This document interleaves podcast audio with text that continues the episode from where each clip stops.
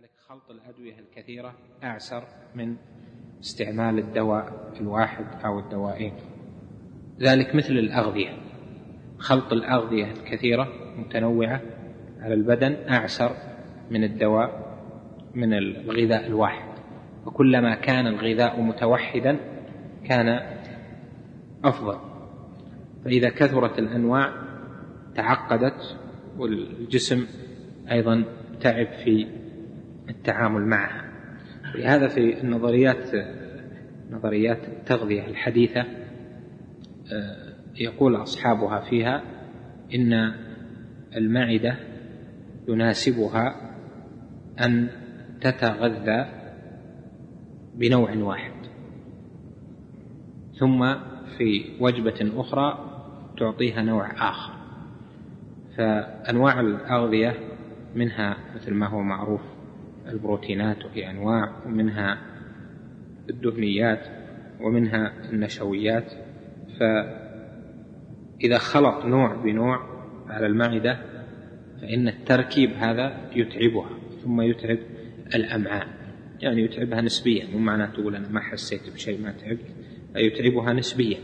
فكلما كان أبسط الغذاء كلما كان أحسن. ولهذا الأغذية الراجعة إلى الطبيعة هذه أولى وأقوى. مثل مثلا ما ترون في بعض البلاد ممن يتغذون مثلا بالبر والعسل أو بالسمن والتمر اللبن والتمر. هذا أنفع تكامل من أنه يكثر أنواع كثيرة هذا كذا وهذا كذا وهذا كذا. فإن الأمر يختلف. المقصود من كلام ابن القيم رحمه الله بما عنده في عصره من أمور الطب وما يتصوره والواحد في مثل هذه الأشياء ما يتعلق بالأمور القديمة بل هذه مما تزيد فيه معارف الناس فيعتني في هذه الأمور بما جد. و ينتبه لذلك. الشافعي رحمه الله قال نظرت في العلوم ووجدت أن العلوم كثيرة ووجدت أفضلها علمين علم الأديان الذي هو إصلاح الأرواح وعلم الأبدان الذي هو إصلاح الأبدان بالطب. فتأملت فإذا إصلاح الأرواح للدنيا والآخرة وإذا إصلاح الأبدان للدنيا ففضلت ما للدنيا والآخرة.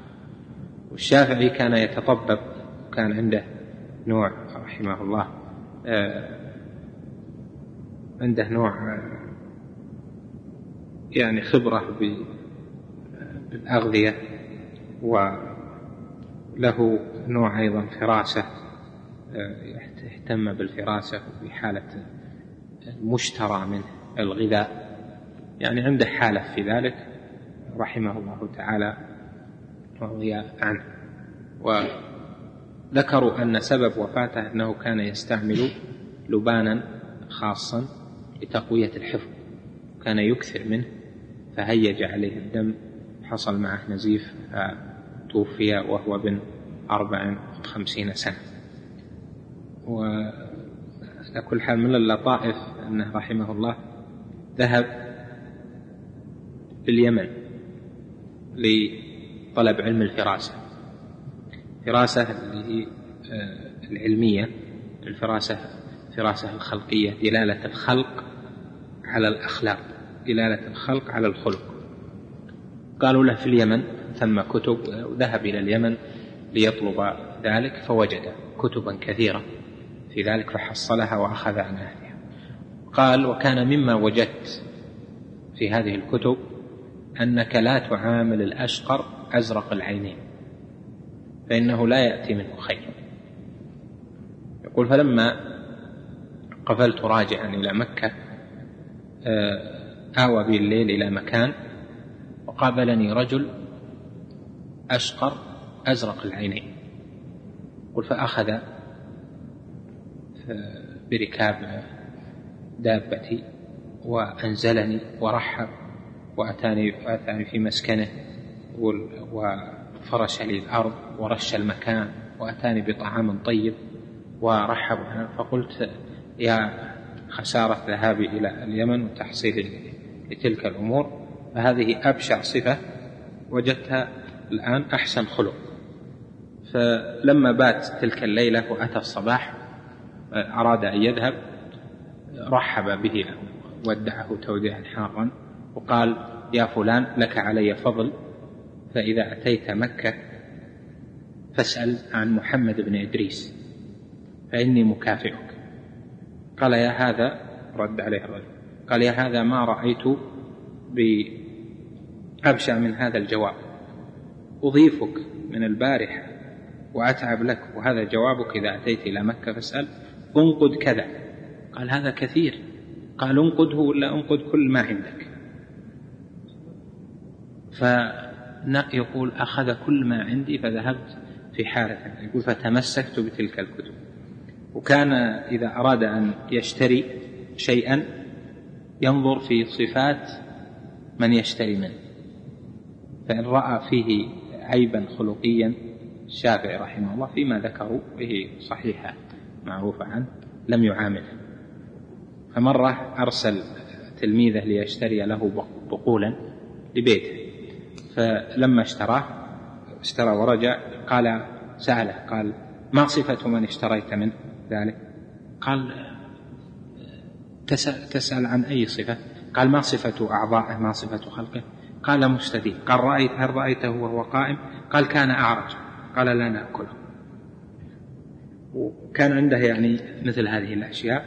فهذه أحيانا تأتي عند بعض العلماء ممن يبالغون في هذا ولا تقدح في مكانتهم ولا في مقامهم فبعضهم يكون يبالغ في عنايته بالأغذية عنايته في فيما يشتري فيما يأكل فيما يلبس في نوع الأشياء.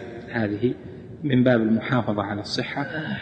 هذه مما يتوسع فيها الناس بحسب ما يريدون. المقصود أن أمور الطب الحديثة ليست هي موافقة لما يذكره العلماء من قبل من كل وجه. بل توافق في بعض وتخالف في بعض فإذا أراد طالب العلم أن يهتم فلا بأس بذلك بقدره ولا يبالغ كما بالغ بعضهم فلم يستفيدوا. نعم. نكتفي بهذا؟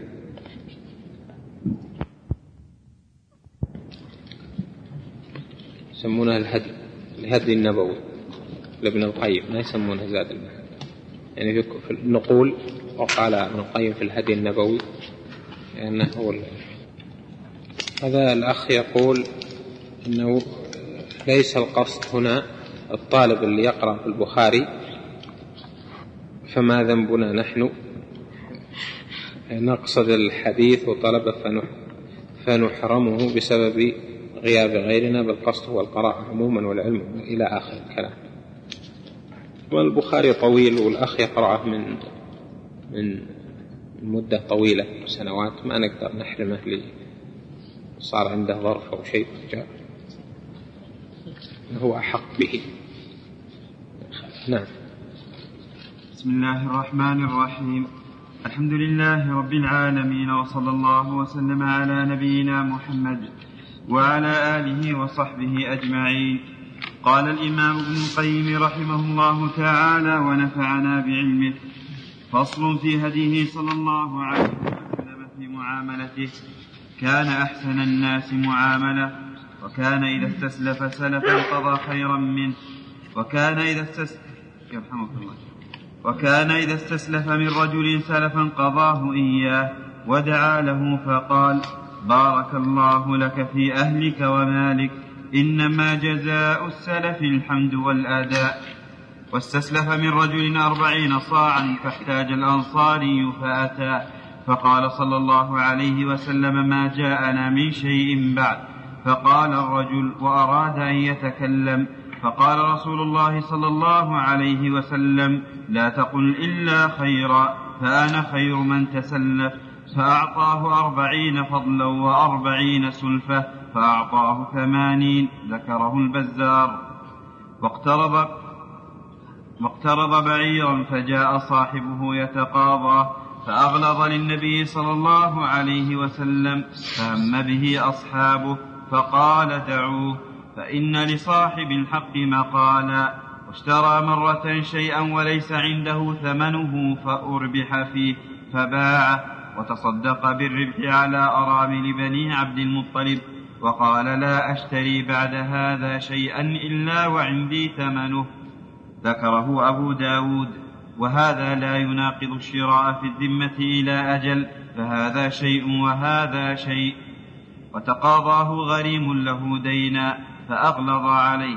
فهم به عمر بن الخطاب فقال مه يا عمر؟ كنت أحوج إلى أن تأمرني بالوفاء وكان أحوج إلى أن تأمره بالصبر. وباعه يهودي بيعا إلى أجل فجاءه قبل الأجل يتقاضاه ثمنه فقال لم يحل الأجل فقال اليهودي إنكم لمطر يا بني عبد المطلب فهم به أصحابه فنهاهم فلم يزده ذلك إلا حلما فقال اليهودي كل شيء كل شيء منه قد عرفته كل شيء منه قد عرفته من علامات من علامات النبوة وبقيت واحدة وهي أنه لا تزيده شدة الجهل عليه إلا حلما. فأردت أن أعرفها فأسلم اليهودي. اللهم صل وسلم هذا هديه صلى الله عليه وسلم في المعاملة ويعني بالمعاملة تعامل في البيع والشراء وما شابههما من القرض والسلف ونحو ذلك. النبي عليه الصلاة والسلام كما سمعت اقترض تسلف واشترى بثمن مؤجل واشترى شيئا وليس عنده ثمنه فباعه وربح فيه ونحو ذلك من أنواع التعامل التي لا يستنكف عنها. فهذه تدل من حيث هي على أن الكامل من عباد الله هو المصطفى عليه الصلاة والسلام.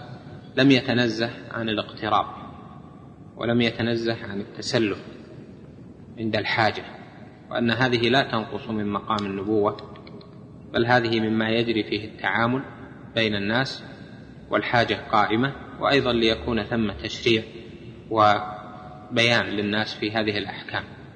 هديه عليه الصلاة والسلام أنه كان إذا استسلف شيئا رد خيرا منه. وقال في ذلك إن خير الناس أحسنهم قضاء فيستحب للعبد إذا اقترض أن يرد أكثر مما اقترضه يعني أكثر أو أحسن في الصفة. النبي عليه الصلاة والسلام استسلف من رجل بكرا ثم فلما جاء جاءت الصدقة قال ردوا بكر صاحبه فالتمسوا فلم يجدوا بكر فقالوا يا رسول الله ما وجدنا إلا خيارا رباعيا فقال اعطوه فإن خير الناس أحسنهم قضاء. فدل على أنه عليه الصلاة والسلام لم يكن يترفع عن ذلك وأن إعطاء الزيادة في وفاء القرض أنها لا بأس بها بل هي مستحبة وأنها تدل على الفضل والكمال وهذا بشرط ألا يكون ثم تواطؤ بين الطرفين على الزيادة لأنهم لو تواطأ لأن الطرفين لو تواطأ لكان ربا والتواطؤ يحصل في صورتين. الصورة الأولى أن يشترطه شرطا صحيحا شرطا واضحا. يقول أقرضك مئة على أن ترد تردها لي مئة وعشرين بعد سنة. هذا تواطؤ واضح وشرط بين وهو من الربا. ربا القرض. و الصورة الثانية للتواطؤ أن يكون يعلم أن هذا يعطي. يقترض ثم يزيد فيكون في العرف في حكم من يشترط في حقه أنه يقضي ويزيد. هذا أيضا في معنى التواطؤ لأن الذي يقرضه ما أقرضه إحسانا وإرفاقا وإنما أقرضه ليأخذ الزيادة والقرض عقد إرفاق وإحسان. فإذا خرج عن كونه عقد إرفاق وإحسان لأنه عقد معاوضة بزيادة صار منهيا عنه. يكون ربا قد يكون محرم. لهذا العلماء ذكروا أن ما يحصل من الفائدة في ما بعد القرض يستفصل يفصل فيه لأنه إذا كان جرى التعامل بينهم بما يستفاد منه عادة أو يهدى بين المقترض والمقرض عادة فلا بأس بذلك. أما إذا لم تجري عادة فإنه لا تقبل الهدية ونحو ذلك في أثناء القرض. يعني مثلا هو أقرضه وجاء المقترض بعد أسبوعين ثلاثة وأعطاه هدية. وعقب ثلاثة أسابيع أعزمه وعقب شهرين أهدى له كذا. وهذا هذه زيادات لم تجري العادة بها وإنما هي بسبب بسبب القرض. فأصبح القرض ليس لأجل الإرفاق وإنما هذا فعل هذه الأشياء لأجل أن ذاك أقرضه. وهذا من المنهي عنه بل عده بعض الصحابة من من الربا. وإذا كان أراد أن يكافئه أو أن يهدي له أو أن يعزمه مثلا أو نحو ذلك ليكون بعد السداد لا يكون في أثناء المدة حتى لا يكون في لما يعطي أثر في عقد الإرفاق. المقصود أن النبي عليه الصلاة والسلام كان أكمل الناس في معاملته وأكمل الناس في هديه في بيعه وشرائه مع المسلم ال... الذي حسن إسلامه. المؤمن ومع الأعراب والجفاة ومع اليهود وغيرهم كان يعاملهم عليه الصلاة والسلام وكان حليما معهم ويعطيهم ويبر بوعده ويفي بذلك عليه الصلاة والسلام. ما ذكر من أن الحديث الذي فيه أن النبي عليه الصلاة والسلام اشترى مرة شيئا وليس عنده ثمنه فأربح فيه فباعه وتصدق بالربح على أرامل آه، بني عبد المطلب وقال لا أشتري بعد هذا شيئا إلا وعندي ثمنه. قال ذكره أبو داود.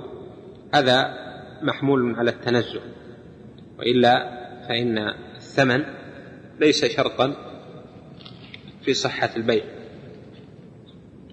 يعني أنه إذا لم يدفع الثمن هذا لا يعني أن البيع الأول ما تم وهو الثمن دين استقر في الذمة. وأما انتقال الملك انتقال هذا المثمن تم بالبيع وبتمام الأركان والشروط تم فانتقل هذا المثمن أو هذه السلعة هذا الشيء انتقل من ملك البائع إلى ملك المشتري فله التصرف فيه ولو قبل دفع الثمن. ولكنه عليه الصلاة والسلام تنزه أن يربح في شيء وهو لم يدفع الثمن لأن الثمن لو دفعه لاستفاد منه ذاك البائع ولنماه وصار له منه فائدة. فهنا أربح في شيء نماؤه مرصود في الأصل لصاحبه وهو البائع. لهذا تنزه عليه الصلاة والسلام عن هذا الربح وإلا فإن الربح هذا ليس بحرام. يعني ولهذا تصدق به عليه الصلاة والسلام على أرامل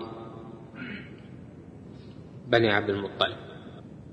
قال ابن القيم رحمه الله هنا إيش؟ وهذا لا يناقض الشراء في الذمة إلى أجل فهذا شيء وهذا شيء. الشراء في الذمة إلى أجل غير البيع الذي لم يعطى البائع الثمن. فرق بين الصورتين أن البيع الذي لم يعطى الثمن هذا ليس فيه تأجيل البيع تم والثمن استقر في الذمة وجب عليه أن يعطيه في كل وقت. يعني وجب عليه أن يعطيه الآن وذاك إذا لم يطالب فإنه يتأخر عليه حتى يتسنى له. أما البيع إلى أجل في الذمة فهو مؤجل ويتأجل وليس لصاحبه أن يطالبه به قبل قبل حلول وقته. لأنه نماءه لأن أصل بيع الأجل له أثر في السعر. فصاحبه مستفيد من الأجل بما يزيد في سعر السلعة. لذلك في, في هذه هو مستفيد أصلا من التأجيل فالربح الذي يحصل لو باع لو باع هذا المشتري سلعته آه، الربح الذي يحصل في الواقع ليس أصل الثمن معد لنماء للنماء عند البائع بل البائع نمى الثمن بالتأجيل وما زاده في السعر أو ما رغبه في الخير بالتأجيل. لهذا الفرق بين الصورتين ظاهر وواضح فالأولى فيها عدم دفع للثمن والثمن مستقر في الذمة يطالب به في أي وقت. والصورة الثانية أن ذاك إلى أجل ليس له أن يطالبه إلا بعد حلول الأجل. العلماء يفرقون ما بين الدين والقرض فيقولون القرض حال ولا يتعجل. وأما الدين فهو يتعجل بتأجيله حسب ما يتفقان عليه. أجله سنة سنتين شهر فليس له أن يطالب قبل حلول الأجل. وأما ثمن البيع فإنه استقر في الذمة يطالبه به إذا لم يتعجل في أي وقت وهو من حق البائع. والقول الثاني لشيخ الإسلام ابن تيمية وجماعة من المحققين من أهل العلم أن القرض يتأجل بتأجيله فله حكم الدين في أنه إذا أجل القرض فإنه يتأجل.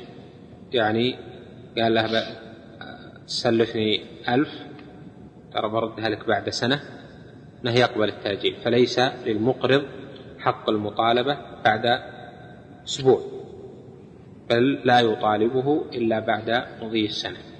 وهذا القول وجيه وظاهر لأن المسلمين على شروطهم وأصل عقد القرض عقد إرفاق وإحسان وعدم تأجيله فتح الباب للمطالبة قد يضر بصاحب كنت تصرف بالقيمة تصرف يعني بالقرض ليس بالقيمة تصرف بالقرض سلف ألف ثم راح شرى بها شيء من مصالحه ثم يأتي بعد يومين يقول عطنيها ونلزمه بأنه يعطيه وهو قد أجله سنة يكون هذا فيه إضرار به وهذا مخالف للمقصود الشرعي من عقد القرض وهو أنه إرفاق وإحسان. لهذا نقول قول شيخ الإسلام وطائفة من العلماء في أن القرض يتأجل كالدين إذا أجله تتبعها أحكام كثيرة في ذلك في الزكاة وفي غيرها أن هذا هو الأفضل والفروق كثيرة. الفروق كثيرة بين القرض والدين. لكن كلامنا من جهة التأجيل والقرض من حيث معناه إذا نظرت إلى حلوله في الذمة إلى حلوله في الذمة وأنه ثبت في ذمة صاحبه أن يعيد مثله إذا كان مثليا أو قيمته إذا كان متقوما. هذا دين. فالقرض هو في حق من حيث ثبوته في الذمة دين لكنهم فرقوا ما بين الدين والقرض. لأن الدين هو ما يستقر في الذمة من ثمن المبيع ومن الصداق المؤجل وأشبه ذلك مما يستقر في الذمة من ثمن أشياء أو المطالبة أشياء أما القرض أن يأخذ هذا المال ليرده ليرده في أو يرد مثله أو يرد قيمته إلى آخره والفروق بينهم كثيرة في مسائل في المقصود منه. وفي الرد كيف يكون الرد؟ الدين وش يرد وهنا وش يرد. وأيضا في يعني مسائل متعددة معروفة آه، قولها بايعناه على أن لا نسأل الناس شيئا أو اللفظ الآخر من يبايعني على أن لا يسأل الناس شيئا ويضمن له الجنة. هذا مما يستطيع أن يعمله بنفسه. فتجيب شيء تأخذ شيء ها؟ مما تعمله بنفسك يمكن أن تعمله بنفسك فعدم الحاجة أحسن. لكن إذا كان الشيء مما لا تعمله بنفسك إما لعدم قدرة مثل المال ما يمكن كيف تجيبه؟ لا بد من الاقتراض آه، يعني إذا إذا احتاج. والصبر أولى إذا لم تكن ثم حاجة لها مصالح كذلك في بعض الأحوال لا يناسب الإمام في مقام الإمامة أو النبي عليه الصلاة والسلام في مقام النبوة أو الخليفة بنفسه. مثلا أشياء ما يناسب العالم مثلا أن يليها بنفسه. النبي عليه الصلاة والسلام في أشياء لا يناسب أن يليها بنفسه. هذا لا يقال أنه هنا سأل. عليه الصلاة والسلام تزوج وكان يأمرهم بأشياء إصلاح الطعام بتهيئة فراشه إلى آخره. وهذه أشياء مما لا يناسب أن يعملها بنفسه دائما كذلك اتخذ خادما عليه الصلاة والسلام. عنده غلام يأمره وينهاه ويطلب منه ويرسل.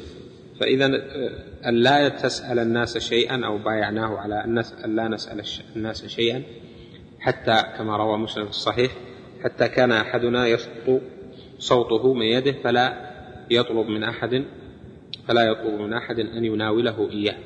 هذا الأشياء التي مثله يعملها. فلا تسأل. مثل واحد جب لي كاس ماء وإيش؟ أعطني كذا وهو ممكن يعمل. يعني في كل شيء أو الأشياء اللي ما فيه استنكاف أن تعملها هذه تعملها. أما إذا لا يمكنك أن تعمل مثل المال. كيف؟ ما يمكن. هذا النبي صلى الله عليه وسلم اقترض الصحابة اقترضوا لحاجات حاجات شرعية مصالح عامة أو مصالح لهم ما تقضى بدون بدون ذلك. نعم. فصل في هديه صلى الله عليه وسلم في مشيه وحده ومع أصحابه. كان إذا مشى تكفأ تكفؤا. وكان أسرع الناس مشية وكان أسرع الناس مشية وأحسنها وأسكنها. قال أبو هريرة ما رأيت شيئا أحسن من رسول الله صلى الله عليه وسلم كأن الشمس تجري في وجهه. اللهم وما رأيت أحدا أسرع في مشيته من رسول الله صلى الله عليه وسلم كأنما الأرض تطوى له وإنا لنجهد وإنا لنجهد أنفسنا وإنه لغير مفترس. وقال علي بن أبي طالب رضي الله عنه كان رسول الله صلى الله عليه وسلم إذا مشى تكفى تكفؤا كأنما ينحط من صبب. وقال مرة إذا مشى تقلع. قلت والتقلع قلت والتقلع الارتفاع من الأرض الارتفاع من الأرض بجملته. كحال المنحط من الصبب وهي مشية وهي مشية أولي العزم والهمة والشجاعة وهي أعدل المشيات وأروحها للأعضاء وأبعدها من مشية الهوج والمهانة والتماوت فإن الماشي إما أن يتماوت في مشيه ويمشي قطعة واحدة كأنه خشبة محمولة وهي مشية مذمومة قبيحة وإما أن يمشي بانزعاج واضطراب مشي الجمل الأهوج وهي مشية مذمومة أيضا وهي دالة على خفة عقل صاحبها ولا سيما إن كان يكثر الالتفات حال مشيه يمينا وشمالا. وإما أن يمشي هونا وهي مشية عباد الرحمن كما وصفهم بها في كتابه فقال وعباد الرحمن الذين يمشون على الأرض هونا قال غير واحد من السلف بسكينة ووقار من غير تكبر ولا تماوت وهي مشية رسول الله صلى الله عليه وسلم. فإنه مع هذه المشية فإنه مع هذه المشية كان كأنما ينحط من صبب وكأنما الأرض تطوى له حتى كأن حتى كأن حتى كان الماشي معه يجهد نفسه. ورسول الله صلى الله, صلى الله عليه وسلم غير مختلف وهذا يدل على أمرين أن مشيته لم تكن مشية بتماوت ولم تكن ولا بمهانة بل مشية أعدل المشيات. والمشيات عشرة أنواع هذه الثلاثة منها والرابع السعي والخامس الرمل وهي أسرع المشي مع تقارب الخطى ويسمى الخبب. وفي الصحيح من حديث ابن عمر أن النبي صلى الله عليه وسلم خب في طوافه ثلاثا ومشى أربعا. السادس النسلان. وهو العدو الخفيف الذي لا يزعج الماشي ولا يكرثه. وفي بعض المسانيد أن المشاة شكوا إلى رسول الله صلى الله عليه وسلم من المشي من المشي في حجة الوداع. فقال استعينوا بالنسلان. والسابع الخوزلاء وهي مشية التمايل وهي مشية يقال إن فيها تكسرا وتخنثا. والثامن القهقراء وهي المشية إلى الوراء. والتاسع الجمزا وهي مشية يثب فيها الماشي وثبا. والعاشر مشية التبختر وهي مشية وهي مشية أولي العجب والتكبر. وهي التي خسف الله سبحانه بصاحبها لم لما نظر في عطفيه وأعجبته نفسه فهو يتجلجل في الأرض إلى يوم القيامة. وأعدل هذه المشيات مشية الهون والتك... مشية الهون والتكفؤ. وأما مشيه مع أصحابه فكانوا يمشون بين يديه وهو خلفهم. ويقول دعوا ظهري للملائكة ولهذا جاء في الحديث وكان يسوق أصحابه. مشيه عليه الصلاة والسلام. من جملة الصفات التي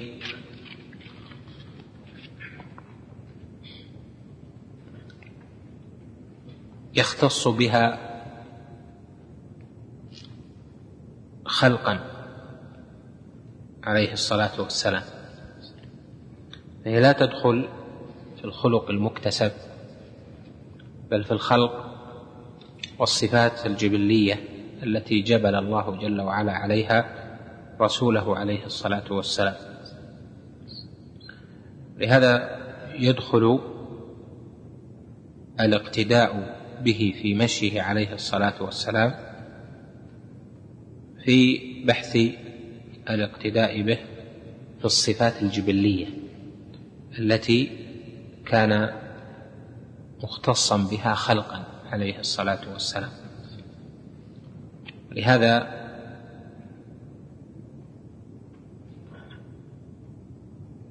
لا يعد المشي كمشيته سنة. ولم يفعله صحابته عليه الصلاة والسلام يعني من الاقتداء به في ذلك لأنه من جملة الأشياء الجبلية فلا يتكلف. والأشياء الجبلية قد يفعلها المرء فيؤجر أجر المستحبات لا على أن الاقتداء بالنبي عليه الصلاة والسلام فيها سنة ولكن لأجل نيته ورغبته في الاقتداء. يؤجر على نيته لا على العمل في نفسه. وهذا مثل أشياء كثيرة في هيئة مشيه وما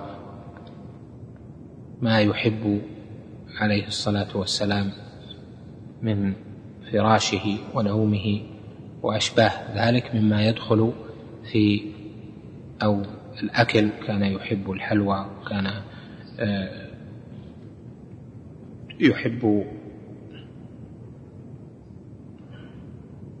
الدبة وكان يأكل كذا بكذا مما سيأتي أيضا. في مواضعه. المقصود أن المسائل الجبلية هي الراجعة إلى الخلق والطبيعة ولا ترجع إلى الاكتساب. أما ما دخل في الاكتساب فإن فإنه يخرج من كونه جبليا فالاقتداء به فيه سنة. ولهذا يعني هذا التقعيد يدخل فيه أشياء كثيرة. وكل الأشياء الجبلية إذا عملها المكلف فإنه يؤجر على نيته في الاقتداء بالنبي عليه الصلاة والسلام. أما هي في نفسها فليست من السنن لأنها مختصة به. وهذا يدخل تحت تقعيد عام في السنة والبدعة. وفيما يقتدى به وما لا يقتدى به من أفعاله عليه الصلاة والسلام في فهم السلف الصالح من الصحابة فمن بعدهم لأموره عليه الصلاة والسلام. ثم أمور اختصاصية لا يقتدى به فيها تحريما لأنه مختص بها شرعا. وهناك أمور من الأمور الجبلية لا يقتدى به فيها لأنه لم يجئ التكليف بالاقتداء به فيما اختص به خلقا. وهناك أشياء مكتسبة من الأخلاق وهذه تارة تكون واجبة وتارة تكون مستحبة بحسب تفصيلها. الجبلي ما كان من الخلق. من الطبيعة. هو مكتسب ما فعله اكتساب. من الطبيعة يحب هذا الشيء طبيعة مثل يحب أكل الحلوى. يحب عليه الصلاة والسلام شرب العسل. يحب عليه الصلاة والسلام أو مشيته على هذا النحو. يمشي كأنه ينحط من صبر كأنما يتقلع عليه الصلاة والسلام. مثل يعني أشباه المسائل اللي ذكرت لك صورها كثيرة. لا هذا خارج هذا مكتسب. ترجل هذا مكتسب. يعني ما كان داخل في الخلق طبيعة. هذا هو هو اللي يقال له جبلي يعني غير مكتسب. ما فعلها النبي عليه الصلاة والسلام اختيارا. يعني لما كان ما كان داخل في الاكتساب يعني فعله اختيارا ترك غيره واختاره هذا يدخل في السنن. ترك شيئا واختار شيئا هذا يدخل في السنن. آه، أما ما كان في طبيعته يعني ترك شيئا واختار شيئا بعد التشريع. أما ما كان في طبيعته محبته لبعض الأشياء وشكله في مشيته ونومه وأشباه ذلك هذا داخل في في الجبل. يعني ضابط الجبلي هو ما كان من جهة الخلق ولم يدخله الاكتساب. أما ما كان من جهة الخلق هذا ليس بجبلي ما كان من جهة الاكتساب فعلها النبي صلى الله عليه وسلم بعد أن لم يكن فعله اختار هذا وترك هذا بعد التشريع. مما هو من قبيل الخلق لا من قبيل الخلق. فهذا آه، يخرج عن كونه جبليا إلى الاقتداء به فيه. نعم.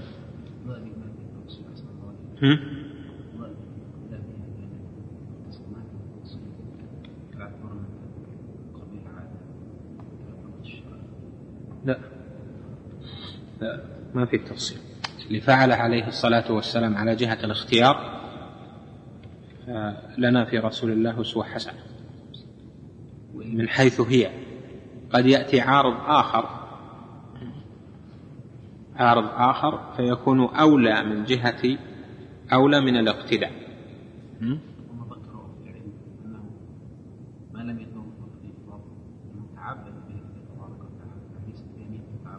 هذا ما ما يستقيم. كيف نعرف إنه تعبد به أو لا؟ لا ما لا, لا الشعر ليس عادة. الشعر أمر به عليه الصلاة والسلام. من كان له شعر فليكرم. آه.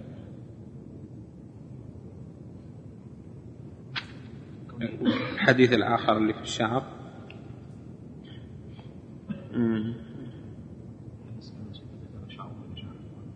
هذا هذا وصف لا أنا فيه أمر في حديث في الشعر بخصوصه. المقصود من هذا أن اتخاذ الشعر اتخاذ الشعر سنة. لمن قوي عليه. يعني قال الإمام أحمد لو قوينا عليه لاتخذناه. ولكن هذا يأتيه عارض آخر. هنا الاقتداء به فيه لأنه اختاره عليه الصلاة والسلام هذا الاختيار به سنة سواء في إبقائه أو في طوله أو في هيئة فرقه. هل هذا وافق أهل الكتاب ثم خالفه؟ سدل ثم ثم فرق إلى آخره إيه مثل هذا لبس النعال السبتية هذا هذا من العادات صحيح. هذا من العادات لأنه هو الموجود عنده. ها؟ هيئة تفصيل القميص. قميصه عليه الصلاة والسلام. واضح؟ لبس الإزار والرداء خصوصا دائما. هذا هذه كلها من من أمور العادات.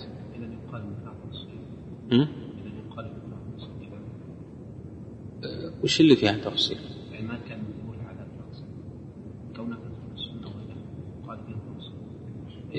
ما لا بس ما نقول ما كان من أمور العادات.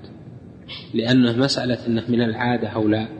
يرجعه إلى حالة حالة العرب. واضح؟ حالة العرب فيها أشياء كثيرة كان يفعلها عليه الصلاة والسلام كانت عليها العادة مثل اللباس. هذا عادة. كونه كان يحب الأبيض هذا اختيار. فإذا هذا مكتسب. هذا الآن هنا سنة. واضح؟ كان إذا آه، مشى مثلا دخل بيته آه، قدم يمينا هذا اختيار هذا سنة. إذا أراد أن يشرب شرب ثلاثة؟ هذا اختيار.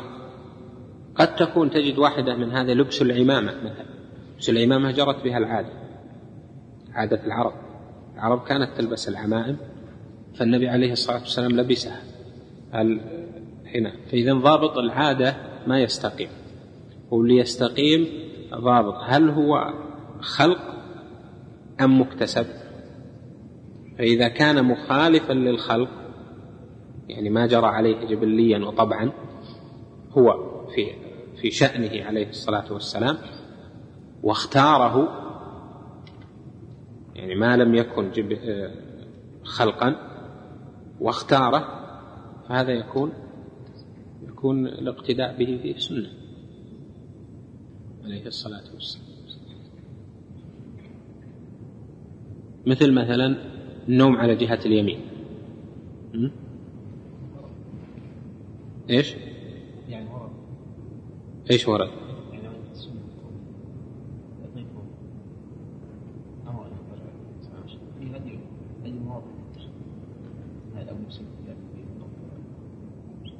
يعني إذا يعني الرجوع للعادة ما هو واضح. وما دام إذا يعني قربت من المسألة في أنها الاكتساب. اضبطها بالاختيار والاكتساب. تنضبط. أما العادة ذلك الآن كل اللي يعارضون السنن الاشياء التي لا تدخل في العبادات يعني داخلة في في الهيئات أو في الهيئة أو في الصفات أو في الأشكال في الشكل العام كلهم يقولون هذا عادة عادة في كل الأشياء. وهذا يلغي كثير من الاقتداء. لهذا إذا اشتبه الشيء تشوف فعل الصحابة. هل اقتدوا به أم لا؟ تجد أشياء ما اقتدوا به فيها. لأنها داخلة ضمن ضمن الخلق ومن الجبليات. نعم. وكان صلى الله عليه وسلم يمشي حافيا ومنتعلا وكان يماشي أصحابه فرادا وجماعة ومشى في بعض غزواته مرة فدميت, فدميت إصبعه وسال منها الدم فقال هل أنت إلا أصبع دميت. دميت. هل أنت إلا أصبع دميت وفي سبيل الله ما لقيت. وكان في السفر وكان في السفر ساقة أصحابه يزجي الضعيف يزجي الضعيف ويردفه ويدعو لهم. ذكره أبو داود. فصل في هديه صلى الله عليه وسلم في جلوسه واتكائه. كان يجلس في إيش قل كان يمشي حافيا ومنتعلا وكان يماشي أصحابه فرادى وجماعة. ومشى في بعض غزواته مرة فدميت إصبعه وسال منها الدم إلى آخره. مشيه عليه الصلاة والسلام حافيا ومنتعلا هذا تارة وتارة. يعني تارة يمشي منتعلا وهو الأكثر تارة يمشي حافيا وهذا يدل على أن المراد من المشي على وجه المشي الحافي البعد عن حال أهل التكبر والتجبر الإعجاب أنه لا يمشي إلا وعليه حذاء. تطبيق هذه السنة أن يكون المرء يمشي تارة حافيا يعني إما في بيته أو في ما حوله أو في بادية بحيث لا ينتقص فيه. يعني لا يمشي أمام الناس ممن يستنكر ذلك يمشي منتعل يمشي حافيا. ويكون الأغلب المشي المنتعل. أما مشي المشي بنعل واحدة يعني يلبس واحدة ويترك الأخرى هذا كما تعلمون منهي عنه ومكروه كراهة شديدة وذلك لأن فيه ظلما لبعض الجسد. والشريعة قامت على العدل فيما يعامل المرء به نفسه. لهذا نهي عن القزع لأن حلق بعض الرأس وترك بعضه مثله وعدم عدل في الرأس. ونهي أيضا يعني في الأمور البدنية لأن العدل واسع واسع في أحكام الشريعة كلها مما يناسب المقام في الأمور البدنية. أيضا نهي عن أن يجلس الرجل بعضه في الشمس وبعضه في الظل لأنه خلاف العدل على الجسم. كذلك أن يمشي حافيا ومنتعل الرجل الأخرى. وأشبه ذلك من من الأحكام. لهذا صار هديه عليه الصلاة والسلام الانتعال وربما مشى حافيا عليه الصلاة والسلام إذا لم يتيسر له أو لأي سبب. مثل ما ذكر مرة مشى في غزوة من الغزوات طويلا حافيا وقال فدميت إصبعه فقال هل أنت إلا إصبع دميت وفي سبيل الله ما لقيت يعني تحقير لهذا الشيء. اللهم صل وسلم عليه. اللهم صل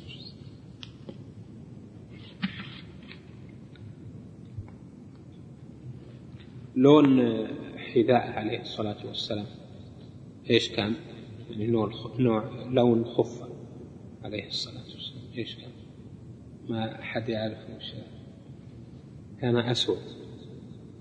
يلبس الخف الأسود عليه الصلاة والسلام كما رواه الترمذي في الشمال وغيره. حصلت واقعة للشنقيطي محمود بن التلاميذ معروف اللغوي المشهور أو أحمد بن الأمين الشنقيطي.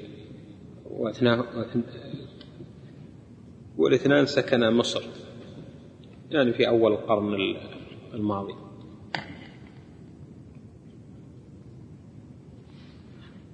حصلت مرة أنها كان أهل يعني أهل الترف وهذا يلبسون أحذية من نوع معين سود كبار في ذاك الوقت. وكان العلماء علماء الأزهر أو مشايخ ما يلبسون ذلك يعني أو ينتقدون من يفعل. كان واحد بينه وبين الشنقيطي هذا يعني منافسة لما رآه أتى عليه هذا قال يعني غمزة بها أمام الناس. قال أنت تلبس هذا الأسود مثل لباس الفرنج إلى آخره. هذا لقى فرصة عليه. فافتتح استفتح المقال وكان حافظا. ذكر الأحاديث التي فيها النبي صلى الله عليه وسلم يلبس الخف الأسود وكان خفه أسود ثم انتقل منها إلى الرجل قال وصاحبنا هذا من أجهل الناس بالسنة أنا أطلب أن يخرج من عداد العلماء لأنه ينتقد سنة النبي صلى الله عليه وسلم لا يصلح أن يكون في الأزهر ولا وهذا ما أدري عاد هو لبسها اقتداء بالنبي صلى الله عليه وسلم أو لا.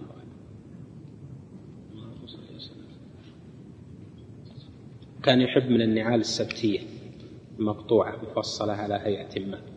ومن العجيب من العجائب أن الخرافيين صوروا نعله عليه الصلاة والسلام بصورة لم ترد في الأحاديث. على شكل نعل هندية. شفتوا الصورة؟ الخرافيين يعظمون النعل صورة النعل. وألفوا فيها مؤلفات كثيرة.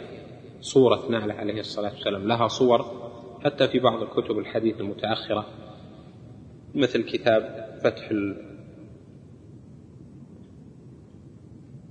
في الجمع ما بين البخاري ومسلم إيش؟ الشنقيطي إيش اسمه؟ فتح الملهم ها؟ زاد المسلم في الجمع ما بين البخاري ومسلم. مصورها ومصور وش عليها وزواياها والى آخره ويعلقها الخرافيون في أماكنهم وبيوتهم آه، شكل النعل. يقولون النعل مثال الرجل وهذه النعل ارتفعت فوق المخلوقات حين عرج به عليه الصلاة والسلام.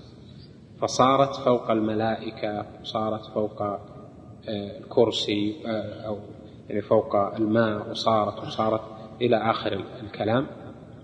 حتى صار أمرهم إلى تعظيمها وجعلها شبه وثن يبروزونه ويناظرونه ويعظمونه ويبكون عنده وأشياء من هذا. المقصود شكل النعل هذه هم صوروا النعل. الرجل ما يعرفون صورتها لكن صوروا النعل وقالوا صورة النعل هندية مثل لباس الباكستانيين الآن. الباكستان هي الهند. الهنود شكلها مثل الحذاء اللي يلبسونها والنعال اللي يلبسونها الصنادل هذه اللي يلبسونها وهذا ما جاء فيها صورة. يعني هيئة القطع شكلها اللي يسمون الناس الآن موديلها كيف هي وجاية إلى آخره. ما ما جاء فيها وضوح يعني في الأدلة أولئك صوروها على نحو ما نسأل الله العافية والسلام. فلا يتأثر بذلك يعني في معرفة شكل شكل النحو.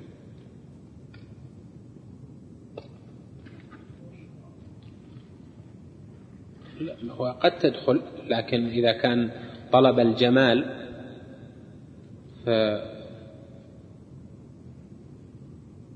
وتعرف حديث مسلم أن الرجل يحب أن يكون ثوبه حسنا ونعله حسن قال إن الله جميل يحب الجمال. الكبر بطر الحق فغمط الناس. طلب الجمال مشروع. طلب الجمال في الملبس طلب الجمال في الهيئة طلب الجمال في النعل في كل ما يعانيه الإنسان مطلوب طلب الجمال. لكن يكون من غير إسراف ولا مخيلة. الإسراف والمخيلة هذا هي المنهي عنها البس ما أردت ما أخطأتك اثنتان. إسراف ومخيلة. البذاذة من الإيمان. غشه لمن استطاع هذا من الإيمان. فإذا تركه وهو قادر على اللباس تواضعا وذلا لله جل وعلا وهو يقدر عليه لا طبعا تواضعا فهذا لا شك. البذاذة من الإيمان و هذا يؤجر عليه. فالنعل الحسن آه، الجميل أو الحذاء الجميل هذا لا يدخل في في لباس الشهرة إلا إذا كان مثله لم تجري العادة عادة أمثاله بلبسه. فيصير مشتهر. معلوم أنه قد يكون مستغرب عند بعض الناس ما ليس مستغربا عند أقوام آخرين. يعني مثلا لباس لباس الأغنياء غير لباس اللي أقل منه. هذا لا يدخل في لباس الشهرة. لباس الشهرة لباس إما أنه رفيع جدا يشتهر به أو أنه وضيع جدا يشتهر به ليعتقد فيه. السنتين هي لباس الشهرة. من لبس ثوب شهرة ألبسه الله ثوب مذلة يوم القيامة. ثوب الشهرة الوضيع ليعتقد فيه يلبس ثوب مرقع أو آه، يلبس صوف دائما أو يلبس ثوب وسخ أو ما أشبه ذلك ليعتقد فيه يقول هذا زاهد عابد إلى آخره ليشتهر. أو ثوب عالي جدا آه، مثله لا يلبس مثل هذا الثوب ما يلبسه الناس لأنه نفيس جدا أو لأنه نادر أو أنه ما في حد يشوفه يلبسه. فمثل هذا أيضا يدخل في في الشهرة.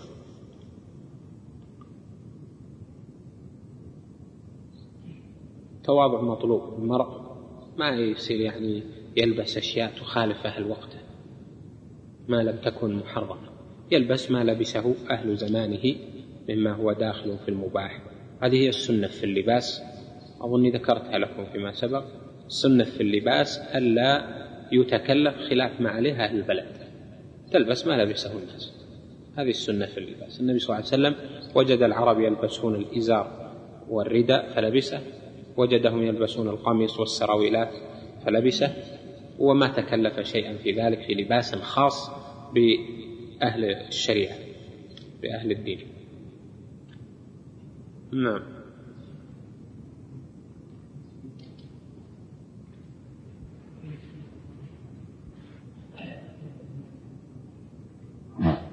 إيه ما في شك. ما في شك أنه اختلاف الزمان والأحوال. يكون نسبي وإضافي يعني قد تكون يعني بالنسبة لباسك أنت ما تروح تغير لباسك علشان الناس. ها؟ لكن يجي مثلا يعني مثلا وش رأيكم؟ لو أن ودنا مثلا نلبس عمامة أنا ودي ألبس العمامة هي أزين من الغترة صحيح وفيه لها فوائد ومصالح يعني مثلا لو واحد لبس عمامة ها؟ ولبست معه عصا وهو شباب وش رأيك؟ زين؟ ها؟ أنت؟ لا ما تدخل في الشهرة. يعني بس أنه آه، يعني إيه مستنكر ما ولا هو أقول هذا اللي كان ألفه الناس سابقا مألوف في نجد. يعني أكثر الناس يلبسون عمايم والصغير والكبير معه عصا وبشت. يعني البشت مو بزينة. بشت في عندنا هنا في نجد ليس زينة. هذا من جملة اللباس لستر الإنسان. لأن اللباس الداخلي قد يكون ضيق يظهر مثلا بعض من أجزاء البدن مما فيه نوع يعني خروج عما ينبغي. فالرداء واسع فيلف البدن فهو للستر في الأصل هو بزينة. الناس الآن الحين اللي لبس واحد البشت قالوا هذا مشخص دائما مدري إيش. هذا خراء ما هو بصحيح. هو زينة يعني ستر ووقار إلى آخره خاصة في في أهل العلم. كان البشت يلبسه الصغير والكبير إلى آخره. مثل الغترة عليها العمامة مثل العصا مثل ما ذكر الألوسي.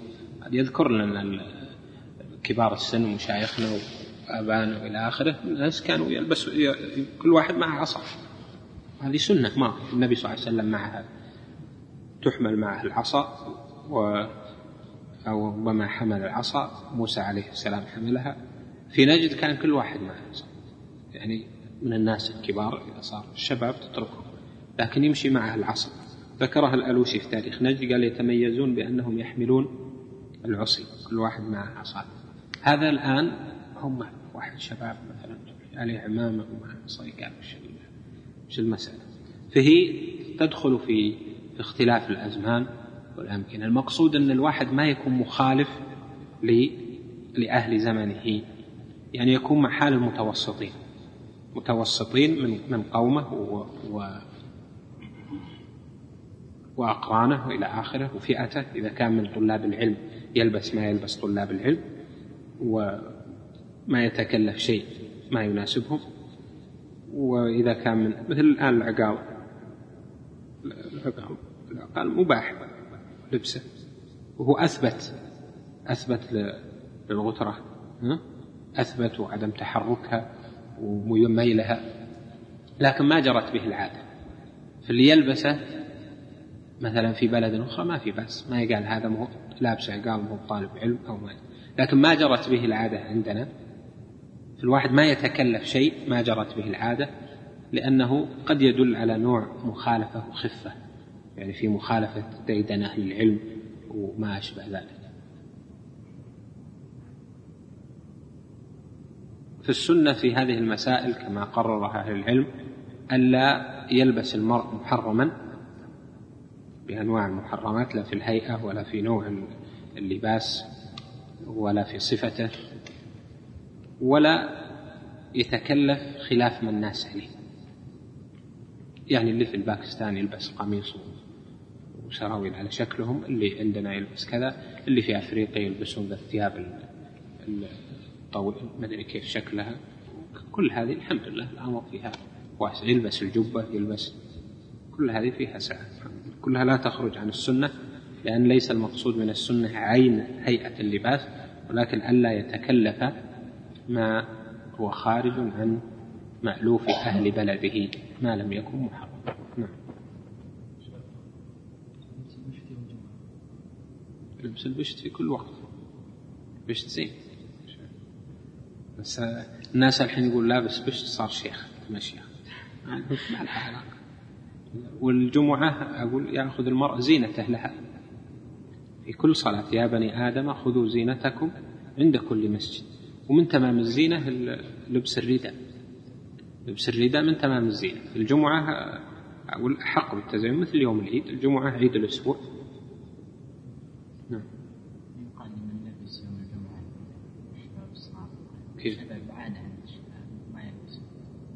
يتعودون أخذ الزينة الزينة عند المساجد مطلوب. هذا مطلوب. يتعودون أحسن. الهيئة طيبة. لأنه بعد يجي كذا. يعني أحيانا يجي بعض الناس يصلي مثلا أمامك خلق الله جل وعلا جسمه على هيئة يلبس مثلا ملابس ضيقة وفي يكون أو يلبس ثوب مثلا قصير جدا ويصير شكله ما هو هو مقبول. الرداء الرداء حتى لو كان قصير يعني جدا مثل أنصاف الساقين أو نحو ذلك مقبول. يعني يلم الجسم وله له هيئته وهو مقبول وينفي الاستغراب. أو ما أشبه الله المستعان.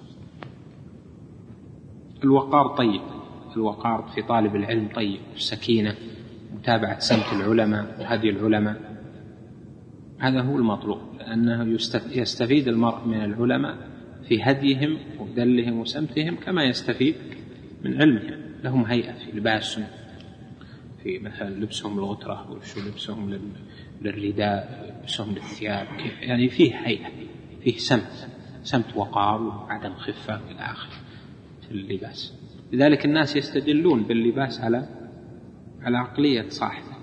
هذا هذا صحيح. اللي بعده؟ لا ما هو شهرة لا. الشهرة اللي ما يلبسها أحد. لكن إذا كان الناس يلبسونه ثلاثة أربعة خمسة عشرة. شوفهم في المسجد يلبسونه. خرج عن كونه شهرة. الشهرة ما تختص به من رفيع الأشياء ليشتهر أو يكون شهرة. هذا الباس. شوف لو ما شافوك ولا شيء هذا معروف انه إنه فلان من بعيد. لكنه إذا كان يلبسه الناس ما يكون شهرة. ولو كان جميل أو رفيع أو من أغلى الأشياء ما يكون شهرة. وكذلك في المراكب وكذلك في المساكن كلها منها. منها نعم. الحمد لله رب العالمين وصلى الله وسلم على نبينا محمد وعلى آله وصحبه أجمعين. قال المصنف رحمه الله تعالى فصلا في هديه صلى الله عليه وسلم في جلوسه واتكائه كان يجلس على الأرض وعلى الحصير والبساط وقالت قيلة بنت مكرمة أتيت رسول الله صلى الله عليه وسلم وهو قاعد القرصاء قالت فلما رأيت رسول الله صلى الله عليه وسلم كالمتخشع في الجلسة ورعت من الفرق ولما قدم عليه ولما قدم عليه عدي بن حاتم دعاه إلى منزله فألقت إليه الجارية وسادة يجلس عليها فجعلها بينه وبين عدي وجلس على الأرض. قال عدي فعرفت أنه ليس بملك. وكان يستلقي أحيانا وربما وضع إحدى رجليه على الأخرى وكان يتكئ على الوسادة وربما وربما اتكأ على يساره وربما اتكأ على يمينه. وكان إذا احتاج في خروج وكان إذا احتاج في خروجه توكأ على بعض أصحابه من الضعف. فصل في هديه صلى الله عليه وسلم عند قضاء الحاجة. هنا الحمد لله رسول الله. هدي النبي عليه الصلاة والسلام في مثل هذه الأمور الجبلية أو التي يختلف فيها الناس وأنه عليه الصلاة والسلام يجمع ما بين التواضع وترك الكبر وأيضا ما في بما فيه التخشع والخضوع لله جل وعلا. فهو عليه الصلاة والسلام لا يجلس جلسة المتكبرين بل جلسة المتواضعين المتخشعين. ولا يتكلف في نوع ما يجلس عليه. فجلس على الأرض عليه الصلاة والسلام ونام على حصير وكان يتكئ بحسب ما يتيسر له ويرتاح إليه عن اليمين وعن الشمال. على خلاف فعل المتكبر الذي يجعل لنفسه حالة معينة لا يتعداه هو عليه الصلاة والسلام بحسب الأرفق به والأيسر له. ولذلك في مثل هذه الأمور السنة تكون يعني في الاقتداء به عليه الصلاة والسلام السنة تكون بفهم المعنى العام والمقصد العام للنبي عليه الصلاة والسلام في هيئاته في جلوسه ونومه وجلسته ونحو ذلك. ويجمعها ما ذكرت لك من التواضع ترك الكبر والتخشع لله جل وعلا وأن يفعل ما هو الأرفق به والأريح له. والأيسر في حقه. لهذا عدي بن حاتم لما دخل على النبي عليه الصلاة والسلام ورآه يجلس على الأرض قال علمت أنه ليس بملك أن هذه ليست بصفة الملوك. الملوك لهم صفة واحدة لا يتعدونها وأما النبي عليه الصلاة والسلام فكانت صفته التخشع والخضوع لله جل وعلا لا في ركوبه يركب ما تيسر. يمشي آه، إذا لم يتيسر الركوب يعني لا يتكلف شيئا لا يتعداه بل هو على حالة الخضوع والتخشع لله جل وعلا فهو عبد من عباد الله يعرف حق الله بل هو أعلم الخلق بربه وأتقى الخلق لربه جل وعلا وأخشع الخلق لربه جل وعلا عليه الصلاة والسلام. أجلس كما يجلس العبد وآكل كما يأكل. اللهم صل على نعم. كان إذا دخل الخلاء قال اللهم إني أعوذ بك من الخبث والخبائث الرجس النجس الشيطان الرجيم. وكان إذا خرج يقول غفرانك وكان يستنجي بالماء تارة ويستجمر بالأحجار تارة ويجمع بينهما تارة. وكان إذا ذهب في سفره للحاجة انطلق حتى يتوارى عن أصحابه وربما كان يبعد نحو الميلين وكان يستتر للحاجة بالهدف تارة وبحائش النخل تارة. نحو الميل نحو الميلين. خرجها عندك؟ ها؟ أحد يعرف آه، هذه؟ جل لعل أحد الإخوان يبحثها لنا. نحو من يبحث عن الإخوان ها؟ تخريجها يعني. أنت بس متى بجاء الأسبوع الجاي ها؟ إيه لا نبي واحد الأسبوع القادم. تبحثها لنا يعني وش نحو الميلين في أي حديث هذا؟ نعم. قل نحو الميلين اللي في اللي في السنن في سنن أبي داود وغيرها. كان إذا ذهب المذهب أبعد وكان يتوارى وراء شجرة ونحو ذلك. هذا لكن الميلين تقيدها بالميلين هذه نحو الميلين. أن الميل الميل كبير. كيف نعم. وكان يستجر للحاجة بالهدف تارة وبحائش النحو تارة وبشجر وادي تارة. وكان إذا أراد أن يبول في عزاز من الأرض وهو الموضع الصلب. أخذ عودا من الأرض فنكت به حتى يترى ثم يبول. وكان يرتاج يعني حتى يصير رخوا. يعني حتى يصير الموضع رخوا يشرب الماء ماء البول لأجل أن لا يرتد عليه. نعم. وكان يرتاد لبوله موضع الدم وهو اللين الرفو من الأرض وهو اللين وهو اللين الرفو من الأرض. وأكثر ما كان يقول وهو قاعد حتى قالت عائشة من حدثكم أنه كان يقول قائما فلا تصدقوه ما كان يقول إلا قاعدا. وقد روى مسلم في صحيحه من حديث حذيفة أنه بال قائما فقيل هذا بيان للجواز.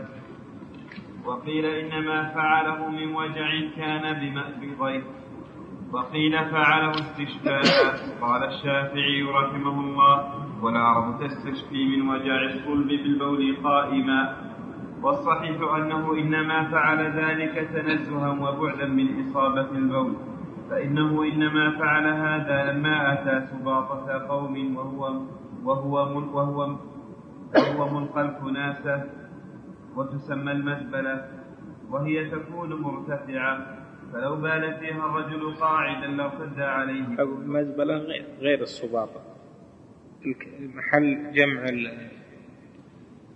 آه، الأوساخ ما فيها نجاسة اللي يقال لها الصباطة والكناسة جمع.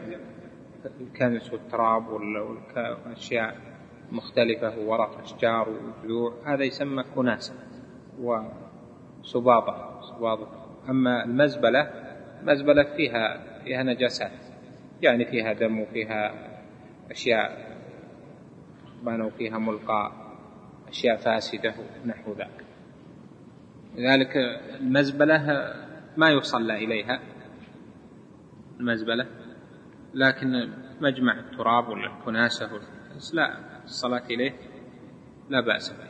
يعني إذا ما كان فيها آه، نجاسات. نعم.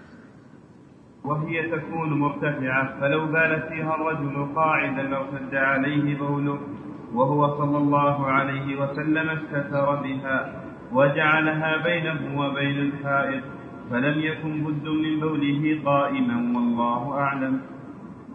وقد ذكر الترمذي عن عمر عن عمر بن الخطاب قال رآني النبي صلى الله عليه وسلم وأنا أبول قائما فقال يا عمر لا تبل قائما. قال فما بلت قائما بعد؟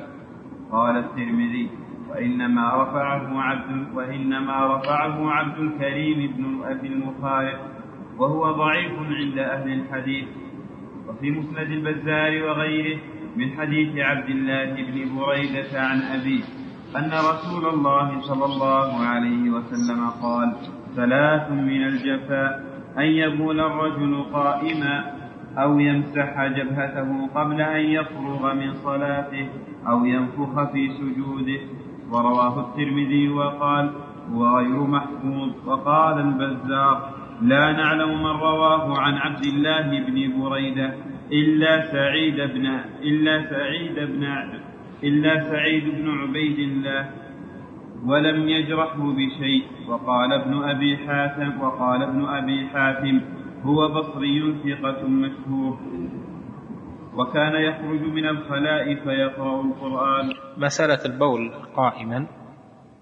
ذكر لك فيها آه، الأقوال والظاهر منها أن البول قاعدا هو الأصل.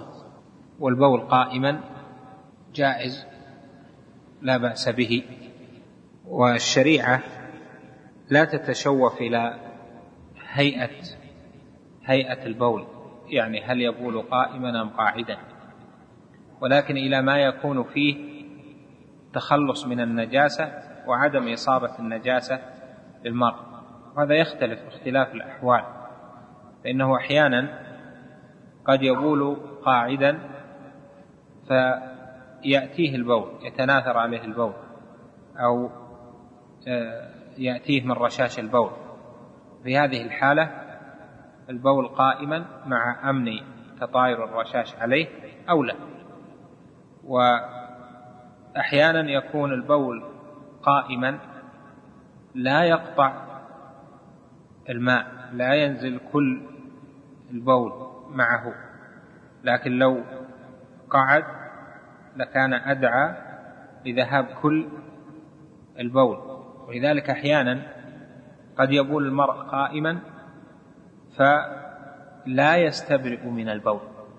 بمعنى أنه يبقى فيه من البول شيء بعد أن يمشي يصيب ثيابه أو ينزل. فالبول قاعدا هو الأصل. لأن فيه بعد عن إصابة الرشاش في أكثر حالاته ولأن فيه استنقاء وإخراج لجميع النجاسة أو جميع البول من البدن.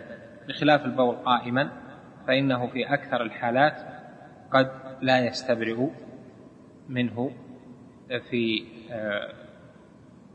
يعني بمعنى لا يخرج جميع البول. إذا كان يأمن النجاسة يعني ويأمن بقاء شيء من البول يعني بريح نفسه حتى يخرج الجميع فإن هذا هو المقصود. شرعا أن يخرج جميع النجاسة ما تخرج منه تتلوث لأن عدم الاستبراء من البول من الذنوب. وقال بعض أهل العلم إنه من الكبائر لأنه جاء في الحديث الذي في الصحيح إنه عليه الصلاة والسلام مر على قبرين. فقال انهما لا يعذبان وما يعذبان في كبير. بلى إنه كبير. وقوله بلى إنه كبير استدل به على أن النميمة ترك الاستبراء من البول من الكبائر. وعلى القول الثاني إنه ليس من الكبائر ويوجهون قوله بلى إنه كبير يعني كبير التحرز منه وليس بمعنى كبير الذنب والإثم أو المعصية. نعم.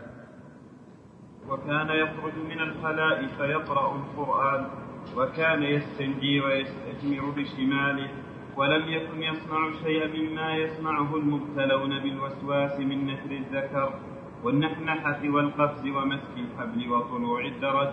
وحشو القطن في الإحدين وصب الماء فيه وتفقده الفينة بعد الفينة ونحو ذلك وهذا يكون من الوسواس إذا إذا غلب على الرجل إذا كان دائم يفعله وهو يس يعني يجد في نفسه حرج حتى يفعل هذه الأشياء من أنه آه، دائما ينتر ذكره ونتر الذكر جاء في حديث في ابن ماجه وفي غيره آه، ولكنه آه، لا يصح. يستحبه الحنابلة كما هو معروف. قالوا ويستحب له نتر ذكره ثلاثا. آه، المقصود إنه ما يكون الغالب عليه. يعني إذا كان دائم يفعله مثل ما ذكر ابن القيم فهذا قد يكون من الوسواس. وكذلك مثل الركض والقفز. حتى يخرج وكذلك عصر البطن أو آه، تحريك الأنثيين ونحو ذلك هذا قد يفعله المرء أحيانا فلا يدخل في الوسواس والذنب. لهذا نقل عن الإمام أحمد أنه لما جاء بعض المرض يعني في في كبره قالوا كان آه، إذا تبول وضع قطنا حول ذكره وركض في بيته لأجل أن يخرج باقي ذلك. فهذا ليس لأجل الوسواس ولكن لأجل الاستبراء تمام الاستبراء. والفرق بينهما هو المواظبة عليه. إذا كان دائم يفعله ويقول أصابني شيء ما أصابني شيء فهذا دليل الوسواس. وإذا كان فعله لعارض يعرفه من نفسه يريد تمام الاستبراء في مدة وجيزة تنقضي بزوال العارض فهذا لا بأس به لأنه من تمام الاستبراء نعم. ونحو ذلك من بدع أهل الوسواس وقد روي عنه صلى الله عليه وسلم أنه كان إذا بال نشر ذكره ثلاثا وروي أنه أمر إيش خرجه؟ إيش قال؟ رواه ابن ماجه وأحمد. وش الإسناد؟ ما ذكر من نعم. وروي أنه أمر به ولكن لا يصح من فعله ولا أمره. قاله أبو جعفر العقيلي. وكان إذا سلم عليه أحد وهو يقول لم يرد عليه. ذكره مسلم في صحيحه عن ابن عمر. وروى البزار في مسنده في هذه القصة أنه رد عليه. ثم قال لفظ كان كان يفعل كذا كان يفعل كذا. وكان يقرأ بكذا وكان إذا سلم عليه مثل الألفاظ هذه. هذه تأتي في في بعض الأحاديث والأصوليون اختلفوا. هل لفظ كان يفيد الاستمرار والمداومة أم لا يفيد؟ على قولين والصواب منهما أنه لا يفيد. لا يفيد الاستمرار والمداومة يعني بنفسه.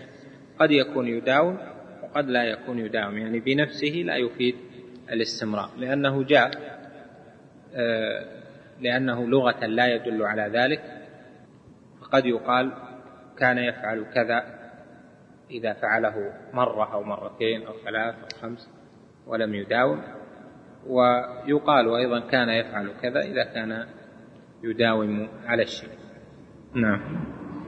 وروى البزار في مسنده في هذه القصة أنه رد عليه ثم قال إنما رددت عليك خشية أن تقول سلمت عليه فلم يرد علي سلاما. فإذا رأيتني هكذا فلا تسلم علي فإني لا أرد عليك السلام. وقد قيل لعل هذا كان مرتين وقيل حديث مسلم أصح لأنه من حديث الضحاك بن عثمان عن نافع عن ابن عمر. أعد أعد إيش؟ وقد قيل لعل هذا كان مرتين وقيل حديث مسلم أصح. أيوه لأن حديث مسلم عرفناه ونشوف الثاني رواه البزار في مسنده في هذه القصة أنه رد عليه ثم قال إنما رددت عليك خشية أن تقول سلمت عليه فلم يرد علي سلاما فإذا رأيتني هكذا فلا تسلم علي فإني لا أرد عليك السلام. وقد قيل لعل هذا كان مرتين. حديث مسلم أصح وقيل حديث مسلم أصح لأنه من حديث الضحاك بن عثمان عن نافع عن ابن عمر وحديث البزار من رواية أبي بكر رجل من أولاد عبد الله بن عمر عن نافع عنه. قيل وأبو بكر هذا هو هو أبو بكر بن عمر بن الخط بن عمر بن, بن عبد الرحمن بن عبد الله بن عمر. روى عنه مالك وغيره والضحاك أوثق منه. وكان إذا استنجى بالماء ضرب يده بعد ذلك على الأرض. كان إذا جلس لحاجته لم يرفع ثوبه حتى يدنو من الأرض. انتهى. نعم ها؟ تعليق؟ شو عليه؟ أعطنا إشكال في التعليق. نعم. عند والضحاك عند قوله والضحاك أوسط منه. نعم.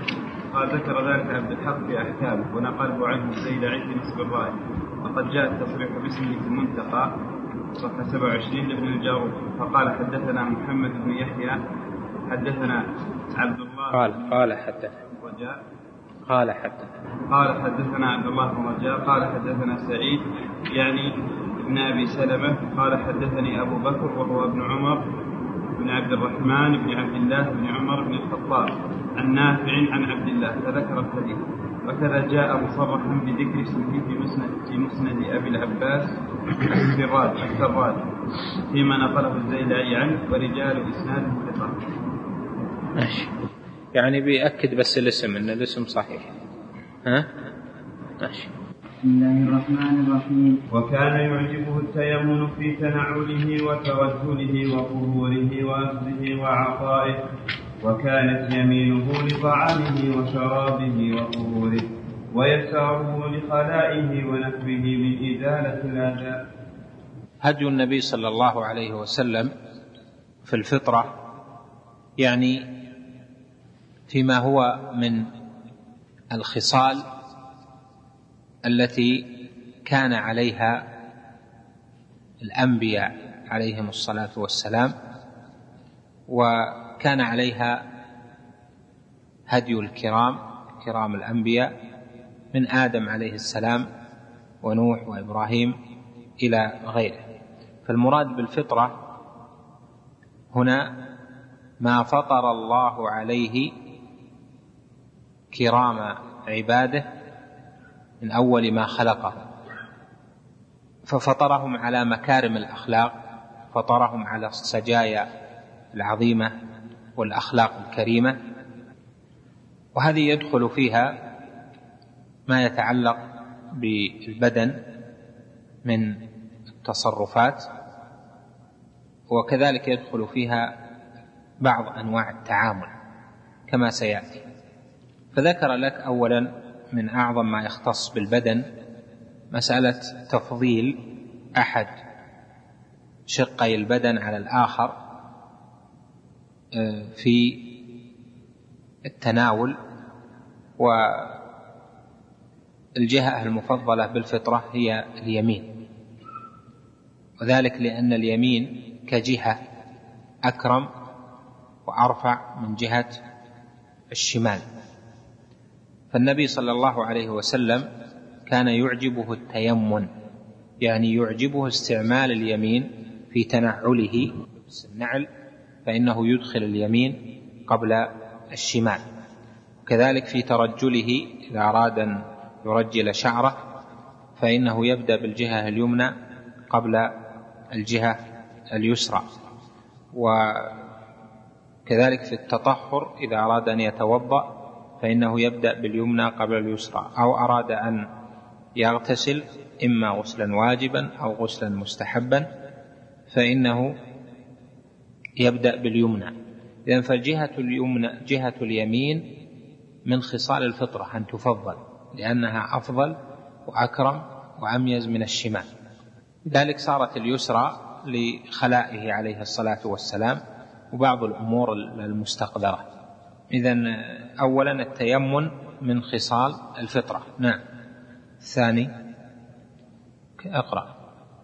وكان هديه في حلق الرأس تركه كله أو أخذه كله ولم يكن يحلق بعضه ويدع بعضه ولم يحفظ عنه حلقه إلا في نسك وكان يحب السواك وكان يستاكن أما حلق الشعر فهدي النبي صلى الله عليه وسلم أن الشعر يكرم وهذا من خصال الفطرة يعني التي كان عليها هدي الأنبياء عليهم الصلاة والسلام من أول ما خلقهم الله جل وعلا. فكانت لهم شعور ولهم شعار وافر آه، وكانوا يكرمونه. وهديه عليه الصلاة والسلام في ذلك أنه يترك شعره وربما كانت له وفرة تبلغ شحمة أذنه عليه الصلاة والسلام. فهدي النبي صلى الله عليه وسلم في في شعر الرأس أنه إما أن يتركه كله وإما أن يحلقه كله. وحلقه عليه الصلاة والسلام لشعره ما كان إلا في أداء يعني بعد أداء نسكه آه، في العمرة أو في الحج. أخي المستمع الكريم تابع ما تبقى من مادة هذا الشريط. على الشريط التالي. مع تحيات تسجيلات الراية الإسلامية بالرياض هاتف رقم أربعة تسعة واحد واحد تسعة ثمانية خمسة. والسلام عليكم ورحمة الله وبركاته.